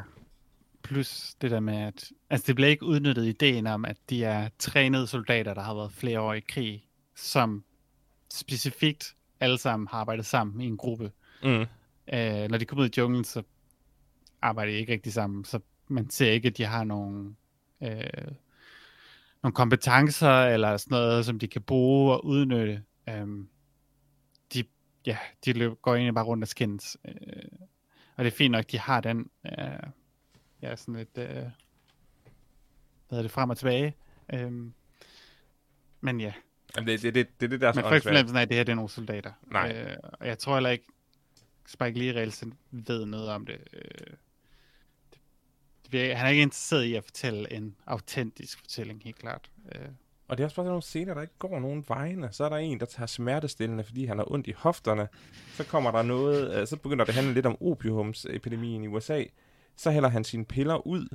Øh, og senere i filmen, da de har brug for nogle flere piller, eller de har, de har strengt taget ikke rigtig brug for flere piller, øh, men så har han alligevel nogle flere, fordi han havde ikke hældt dem ud. Øh, ikke dem alle sammen. Sådan, hvad er pointen? ja. Hvorfor hælde halvdelen af dine piller ud, hvis du... Hvorfor ikke? Jamen, det var ham den anden, der havde hans piller jo. Jamen, var det den anden, der havde det? Ja, så vi ser ham Otis, som er den, der tager pillerne helt tømme pilleglasset. Ja. Men så ham den anden, øh, hvad er det, øh, det er Cy Whitlock, øh, Melvin? der spiller Melvin, ja. Det er ham, der kommer med et andet glas piller, som Nå. jeg ikke forstod, hvor han havde fra. Øh, Fordi han så selv tager smertestillende, eller hvad? Måske. Ellers Okay. så har han stjålet det fra hans taske, eller jeg ved det ikke. Men igen, jo selvfølgelig, det vil da være fint, og, og igen i den her film, øh, så begynder at snakke om, jamen, hvad med alle de amerikanere, der er afhængige af, af, af lægeordineret smertestillende. Mm. Men det er bare, den, den name dropper bare problemstillinger, og det er uschammerende. Ja. Ja, ja. Altså, det er jo... Det er grundkonceptet i filmen om de her øh, amerikanere, sorte amerikanere, som har indset, at de har kæmpet en urimelig klag, og det kan godt lide, det er en virkelig fed idé, det der med, at de ja, hører over radioen for de her nordvietnameser, at øh, Martin Luther King er blevet øh, dræbt, og så Mm. videre.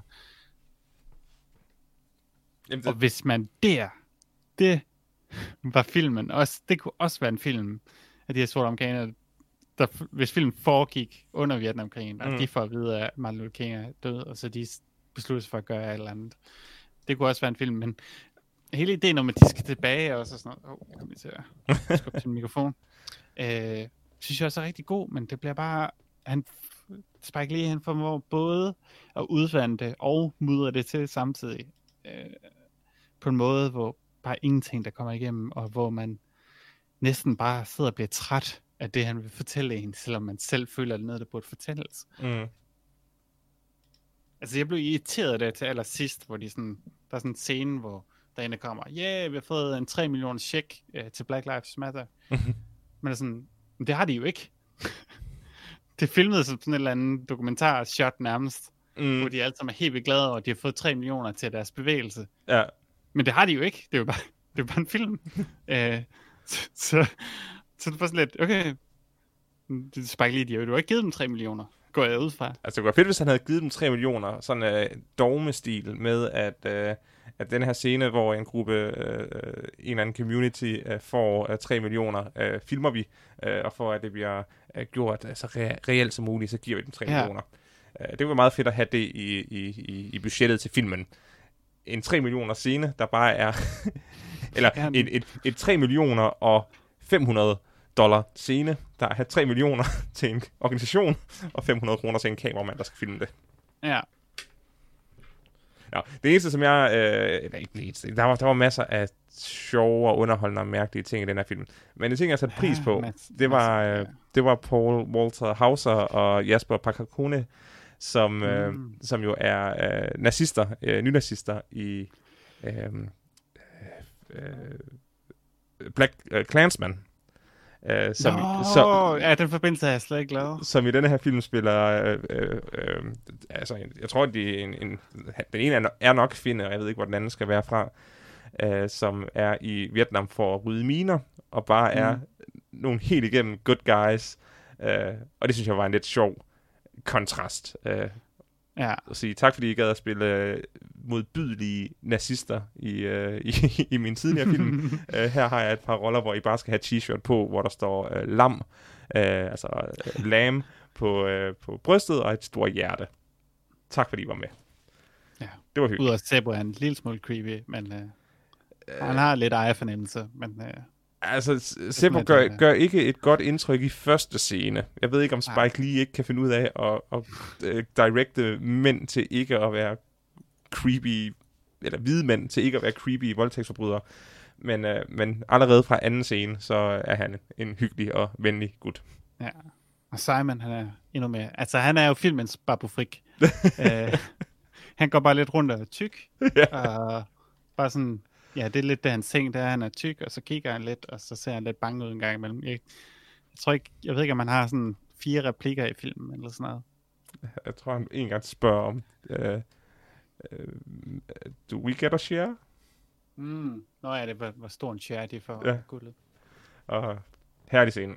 Nej, de gør det godt, og Melanie Terrier, som uh, Eddie, uh, hun uh, er også ganske charmerende. Og ja, det kunne, har, der, der har jeg lige omvendt. Nej, øhm, nej, nej, nej. Jeg synes, hun er charmerende og har kemi med uh, uh, altså David, uh, Jonathan Mayers. Men den sidste scene, hvor de sidder og snakker sammen, er dialogen så forfærdelig, at ja. der findes ingen skuespiller i verden, der kunne have fået det til at lyde godt. Nej, men altså, min point er heller ikke, at jeg tænker, at hun er en dårlig skuespiller. Det er bare, altså specifikt hendes dialog, er nok af alt i filmen, det der er skrevet dårligst. Uh, altså det sidste? Det, det føles.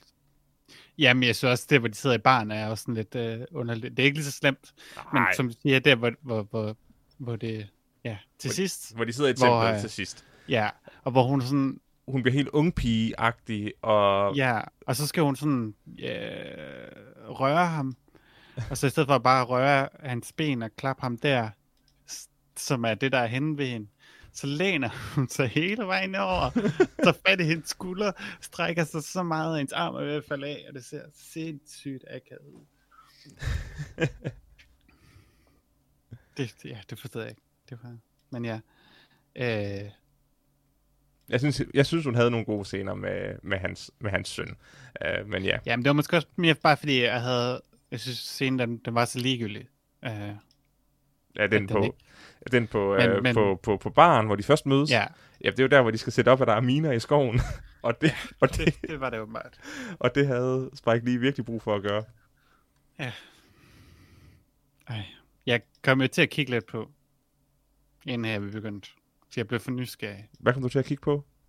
Hvad synes anmelderne om den her ah, film? Freja, det må man ikke. Nå, Nej. hvad, hvad synes anmelderne om den her film? De elsker The Five Bloods. Åh, oh, nej. Men selvfølgelig Det- gør de det.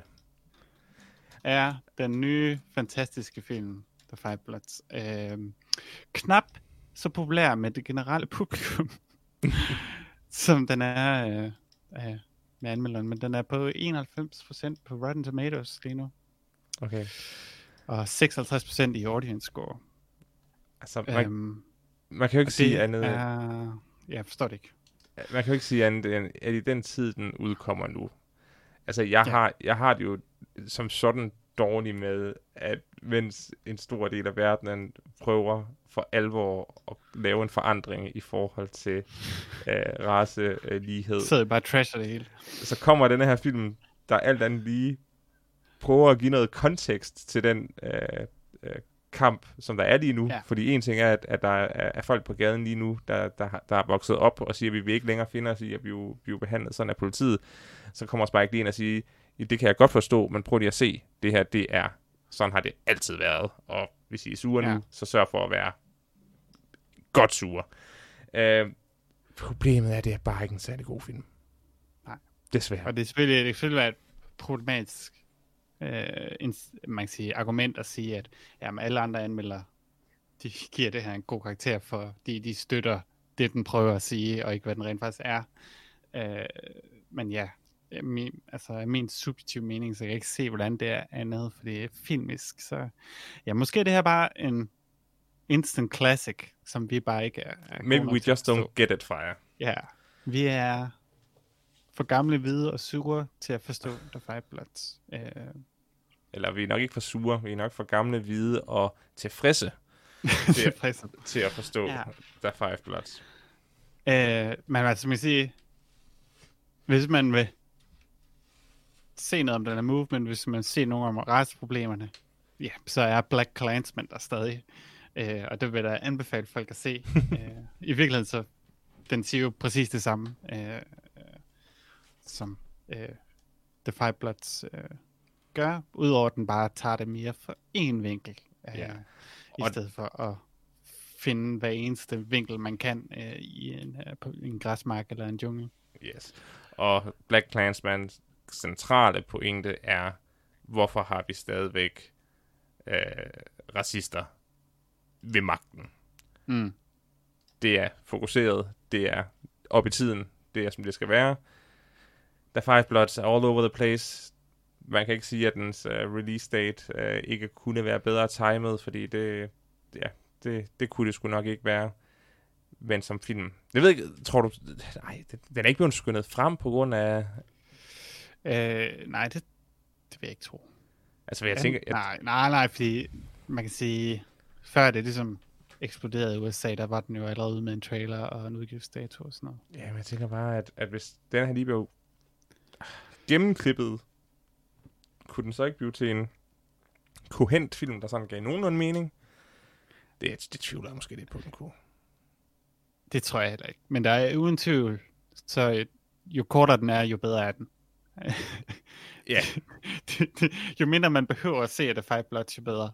Øh, ved mindre man er interesseret i, og hvis man er interesseret i et film, og hvordan film kan være, Og hvordan de, så synes jeg, man skal sætte sig ned og se The Five Bloods, og, og, og få en oplevelse. Altså, Øh, man, man, man, man, man kan i hvert fald lære noget om, at der er, hver eneste valg, der er taget i den her film, er taget. Der er ikke, der er Mm. ikke noget her på skærmet, der sker ved tilfældighed. Og, og, Nej. og det må man respektere.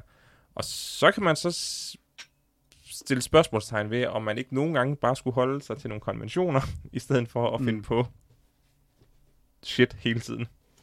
og vide, hvad man vil sige. Ja. Jeg kan faktisk godt lide, jeg kan faktisk godt lide dens brug af formater, øh, og jeg- lagde rent faktisk mærke til dem. Øh, for det var meget sjovt, at den startede øh, i, øh, i et øh, wide-format, øh, s- s- som, som biograffilm, som blev ved med at, som skiftede ned til, til 4.3, når det var i fortiden.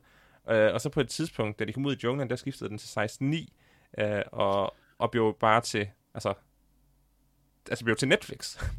det var lidt, det var lidt Okay, øh, Lars, du har set mere format, end jeg har. Ja, den havde, den havde black bars i toppen og bunden til at starte med. Og så når den gik 16, eller når den gik af 4-3, så fik den jo øh, sidebarer.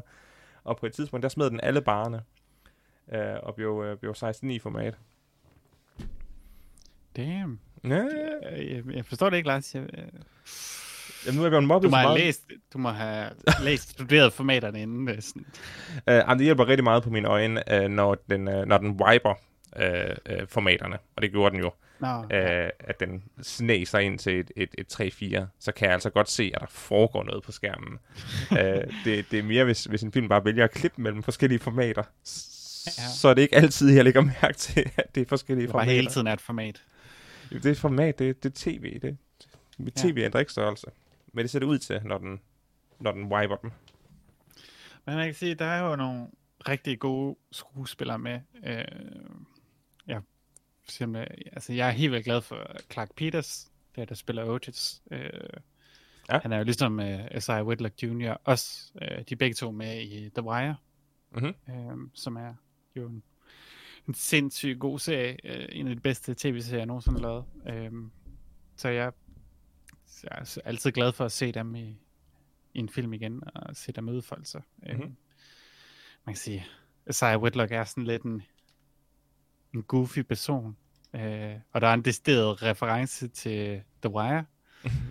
øh, ligesom der er reference til alt andet, men der hvor han siger, shit. Oh, den stak Det er ud. sådan hans mest kendte øh, citat fra The Wire, som de så øh, tager med her også. Øh, uh. Som en lille humorøs side gag, øh, som heller ikke rigtig passer ind. Øh, men ja. ja, men øh, som sagt, øh, jeg synes, hvis man er interesseret i, i filmmediet og vil, vil, vil få indblik i, hvor mange forskellige valg man kan tage i løbet af en filmproduktion, hvis man ikke forbereder det og bare sådan lidt øh, Winger det. winger det, øh, så er The Five Bloods, øh, ja, det er et filmstudie, du kan få gratis, hvis du allerede har Netflix. Præcis. Hvad vil du give den her, Lars? Uh, jeg kan ikke med god samvittighed give dig Five Bloods mere end, uh, end to stjerner. Den, uh, den var underholdende til tider, men langt hen ad vejen var den rodet og ofte desværre kedelig. Jeg giver den en stjerne. Åh, oh, uh, Freja. Altså, Altså, Altså, ja, det, altså det er godt måske virke hårdt, men jeg ved ikke, hvornår jeg ellers skulle give en stjerne. Øh, der er nogle ting i den her film, der er kompetente, men der er simpelthen så mange ting, der virker direkte amatøriske, at jeg ikke kan sige, at, at det er for mig var en god film på nogen måde. Øh, mm. Så det kan godt være, ja, at jeg skal sidde et eller andet sted og forsvare, at The Sonic er en bedre film end The Five Bloods. Men et eller andet sted, så er Sonic en bedre film end The Five Bloods. Øh, og ja, altså vi har jo også haft en rigtig mange gode film i, i træk. Ja, det har vi. Øh, så det har måske også en indflydelse på det, men jeg synes, jeg vil ikke have set The Five Bloods færdig, hvis jeg ikke skulle anmelde den. Okay. Og ja, det, så er det ikke en god film for mig. Øh, fordi jeg ser generelt film færdig, øh, selvom jeg ikke er, er super vild med dem. man skal se film færdig. Det, det, det, det er loven. Uh, Mm. Og ja, vi har haft en god periode med masser af gode film. Jeg kan se den sidste film, jeg ikke var glad for, det var Extraction. Den gav jeg også to. Uh, og det er jeg enig. The Five Blood og Extraction, de er for mit vedkommende på nogenlunde samme niveau. Rodet med få positive ting. Men Extraction var ikke sådan specielt rodet, det var bare en meget lige til film. Det vil sige, det er næsten det den- omvendte. Nej, den, den, den, blev- den var rodet. Historien hang overhovedet ikke sammen. Nå, den har vi, den har vi diskuteret, og det er præcis det, vi ikke skal gøre, Freja, og anmelde en film igen. Så øh, lad os øh, hoppe øh, videre til vores øh, allesammens yndlingssegment, som ikke er spørgsmål for lytterne, fordi der, har du nogle spørgsmål for lytterne med, Freja? Nej. Nej, det har jeg heller ikke. Øh, er det nyt i nyt, Det- der er vores yndlingssegment? Fordi, Øh, ja, øh, der er ikke noget nyt i biografen. okay, Øh, godt arbejde. tak. Inception og sådan noget af biografen. Stadigvæk. Der er Okay. ikke kommet noget nyt. Så, så, så, så det var nyt i nyt. Intet Det var nyt i nyt. Nyt i nyt. så øh, er vi bare tilbage til vores, øh, per definition, øh, yndlingssegment, øh, segment, hvad vi har set siden sidst. Ja. Så nu håber jeg ikke, at du øh, lader mig hænge lige så groft der, Freja. det gør jeg. Hvad har du set siden sidst, Freja? Jamen, det eneste, jeg har set siden sidst, som jeg helt vildt gerne vil snakke om, ja? det er det, vi har snakket om, vi skal anmelde til næste gang. Jamen, så spoil da i Øh. det mindste, hvad vi anmelder til næste gang. Øh, det er den nye dokumentarfilm på Netflix, Disclosure, Disclosure? ja, Okay. som handler om transrepræsentation i Hollywood Uh, igennem tiderne. interessant. Så det bliver måske ikke mindre politisk næste gang, men vi må se, om det er noget rod eller ikke noget rod. Uh, og, hvor, og hvor kan man se den, uh, hvis der er nogen, Den der er lytter? på Netflix. Netflix. Så hvis der er nogen, der har lyst til at gøre deres lektier hjemmefra og se den, uh, før vi anmelder den, uh, Ja. så skal I være velkommen til det. Ja. Øh, Og hvis man som lytter har lagt mærke til, at vi par gange i træk har formået at sige, hvad vi har tænkt os at anmelde uh, næste gang, så er det fordi, jeg har arbejdet hårdt for det er det, vi gør. Så Ja. I kan nå at gøre jeres lektier. Med chance for at komme til at lyde sexistisk, så uh, har Freja præsteret at sætte lidt skik på det hus, der er uh, noget om film, og det sætter vi jo alle sammen pris på. Det betyder også, at jeg får lov at bestemme mere øh, om, hvad der bliver set. Ah, du, uh, du, du er så velkommen. Jeg føler mig i trygge hænder. Nå. Godt. Uh, siden sidst uh, har jeg uh, foruden en hel del uh, How I Met Your Mother uh, fået Mhm. mm-hmm. set Space... Altså, jeg har også set Star Trek og sådan noget, altså, Ja. men det, det Ja, er ja, sjovt. ja, om. Men jeg har fået set Space Force færdig. Uh, ja. Jeg så uh, første afsnit, og var ikke imponeret. Uh, så andet Nej, afsnit, jeg var troede ikke, du ville se mere. Nej, så andet afsnit var ikke imponeret. Så uh, halvdelen af tredje afsnit, og, stoppede der. Okay. Øh, men så påstod min storebror, at det ikke var det værste i verdenen.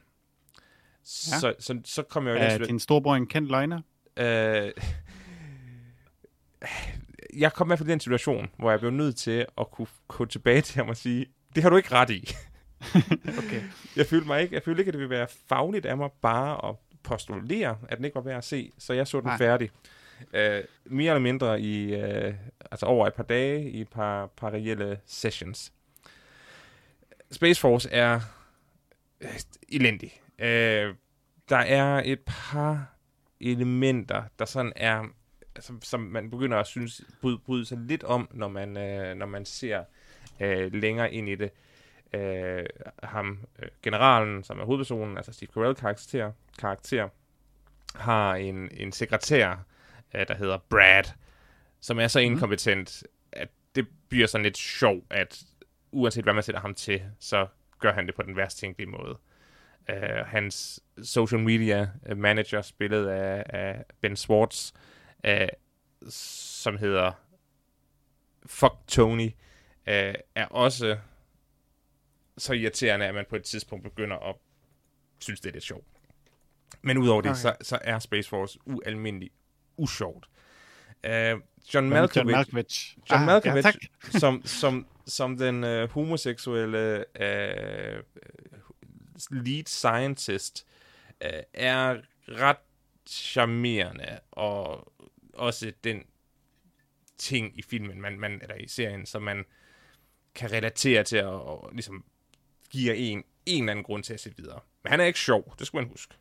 Okay. Det er Øh, ikke hilarious, at han er homoseksuel, som skal Nej, være en masse fordi- hijinks. For det er faktisk det, der er sjovt, at filmen er, øh, eller serien er så øh, politisk korrekt, øh, som jeg sætter kæmpe pris på, at øh, Steve Carell, altså General Nair, øh, både har et eksempel, hvor han omtaler en, en astronaut, hvor han helt naturligt og uden nogen prompte eller joke omtaler øh, astronauten som, som kvinde, Øh, og i, se, i, i episoden, hvor han finder ud af, at øh, hans øh, lead scientist, øh, Dr. Adrian Mallory, er homoseksuel, øh, har han absolut ingen respons på det.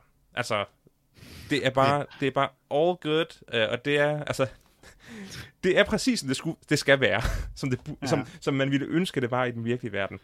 Så det er jo, det er jo rigtig flot, at den, den går væk fra sexistiske jokes, øh, og den øh, homoseksuel, homoseksualitet, homoseksualitet er ikke en, en thing, øh, på trods af, at det er, er militært. Øh, og der er en sjov joke, hvor at alle de andre generaler sidder og snakker om at bombe Kina, øh, og sammen med, med Secretary of Defense, Øh, og da generalerne så siger, at det er jo bare for sjov, det er jo bare en joke, fatter du ikke det? Øh, og øh, Secretary of Defense bliver ved med at sige, at, at det er det, de skal gøre. Øh, så, så har den sådan lidt en anti-joke i, at øh, det amerikanske militær er ansvarlige mennesker, der ikke vil begå krigsforbrydelser, øh, og det er politikerne, der er forkoderne. det var sådan lidt, okay, jeg havde ikke set det komme, men det er jo ikke en joke. Det var sådan overraskende, at, at den militære ledelse er stand-up guys, der ikke øh, har problematiske holdninger på nær den ene, der så er antagonisten. Ja. Øhm, nå, men udover det, så handler sidste episode om, at hans teenage datter er ved at blive voldtaget, så det er jo også bare comedy! Okay. Og det kommer Øh, ja. fuldst- fuldstændig ind fra højre, så det er simpelthen så upassende, at i en så politisk korrekt komedie, der godt nok ikke er sjov, øh, der er det sidste drama i tiden, 10. episode, hvorvidt hans datter bliver voldtaget af nogle øh, meth øh, øh, afhængige mænd. Det lyder sært. Uh, jeg har svært ved... ja, jeg, jeg, jeg forstår ikke den her serie, når nogen snakker om det. Uh, fordi det eneste, jeg tænker tilbage på, det er Steve Carell, Ja. og lavet af dem, der lavede The Office. Præcis. så sådan lidt... Okay, jeg kan godt forstå, at de er nødt til at lave noget, der er anderledes, for Steve Carell, han gider være med. Uh, han har trods alt også haft en, man kan sige, en meget, uh, eller i hvert fald en mere seriøs karriere, siden han sådan helt stoppede The Office, uh, Mm. hvor han fokuserede på nogle seriøse roller og sådan noget. Um, men ja, det virker som den underligste serie nogensinde. Jeg, jeg blev helt vildt nysgerrig, men jeg er bare... Uh, jeg, jeg, jeg vil egentlig også gerne bare have det mysterie blive, og Ja. så bare have sådan en, Nå. en, en serie, jeg ikke forstår. Altså, min sidste anmeldelse, øh, det er, den er ikke sjov, men jeg er ikke ked af, at jeg har set det. Okay. Så, så jeg ved ikke. Så ligesom The Five Bloods. 1 ud af 4. To, to ud af fire. Okay. Men hvis så fordi det er en serie, så skal man trække en fra, så ja, okay, en ud af fire. Mm. Udover det har jeg kun set én ting, jeg lige vil nævne.